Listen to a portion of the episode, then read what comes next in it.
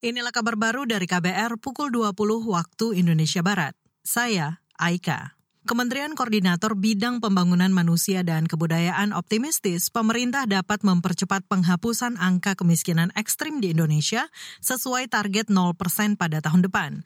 Deputi Bidang Koordinasi Peningkatan Kesejahteraan Sosial Nunung Nuryartono mengatakan kondisi kemiskinan ekstrim di Indonesia dapat diturunkan secara bertahap melalui tiga strategi utama, yakni pengurangan beban pengeluaran, peningkatan pendapatan, dan penurunan jumlah kantong kemiskinan kemiskinan. Alhamdulillah per jadi Maret, Maret 2020. ya Maret 2023 itu angka kemiskinan ekstrim kita 1,12 persen sehingga kita memiliki optimisme akhir tahun ini mudah-mudahan bisa mendekati 0, sekian 0,9 persen sehingga di akhir tahun mudah-mudahan juga bisa ya 0 sekian persen.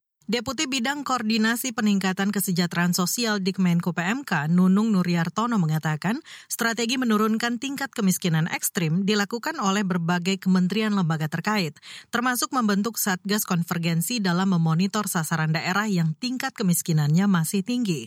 Saat ini, saudara, ada 13 provinsi yang sudah mendekati angka kemiskinan ekstrim 0 persen. Angka tersebut meningkat dibanding tahun lalu yang masih ada di enam provinsi. Kita beralih, Komisi Pemberantasan Korupsi KPK kembali menahan satu orang tersangka dalam kasus suap ketok palu pengesahan RAPBD Provinsi Jambi tahun anggaran 2017 dan 2018. Direktur Penyidikan KPK Asep Guntur Rahayu mengatakan tersangka yang ditahan adalah bekas anggota DPRD Jambi, Kusnindar. Kusnindar merupakan politisi dari Partai Nasdem. Jadi masih ada 11 lagi yang masih dalam proses penyidikan. Terkait dengan kebutuhan penyidikan, tim penyidik hari ini akan menahan satu orang tersangka yaitu saudara KN untuk 20 hari ke depan mulai tanggal 24 Juli sampai dengan 12 Agustus tahun 2023 di rutan KPK pada gedung SCLC. Itu tadi Direktur Penyidikan KPK Asep Guntur Rahayu. Sebelumnya, KPK telah menetapkan 28 tersangka terkait kasus suap ketok palu pengesahan RAPBD Jambi tahun anggaran 2017 dan 2018. Penetapan tersangka tersebut merupakan hasil pengembangan kasus suap yang dilakukan bekas Gubernur Jambi Zumi Zola senilai sekitar 16 miliar rupiah. Total tersangka sampai kini mencapai 52 orang. Kita ke informasi lainnya, Saudara. Badan Nasional Penanggulangan Bencana (BNPB) meminta masyarakat berhati-hati saat membakar sampah di musim kemarau ekstrim.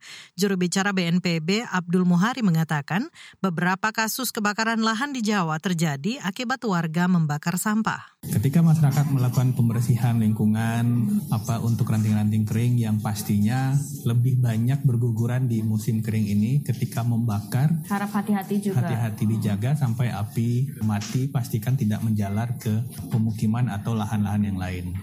Juru bicara BNPB Abdul Muhari menyebut sejumlah kebakaran lahan terjadi di Jawa antara lain di Sumedang, Jawa Barat, Klaten, Jawa Tengah, hingga Jawa Timur seperti Ponorogo, Nganjuk, dan Pasuruan. BNPB menyebut Pulau Jawa menjadi salah satu kawasan yang sangat rawan terjadi kebakaran lahan. Penyebabnya antara lain karena intensitas curah hujan cukup tipis.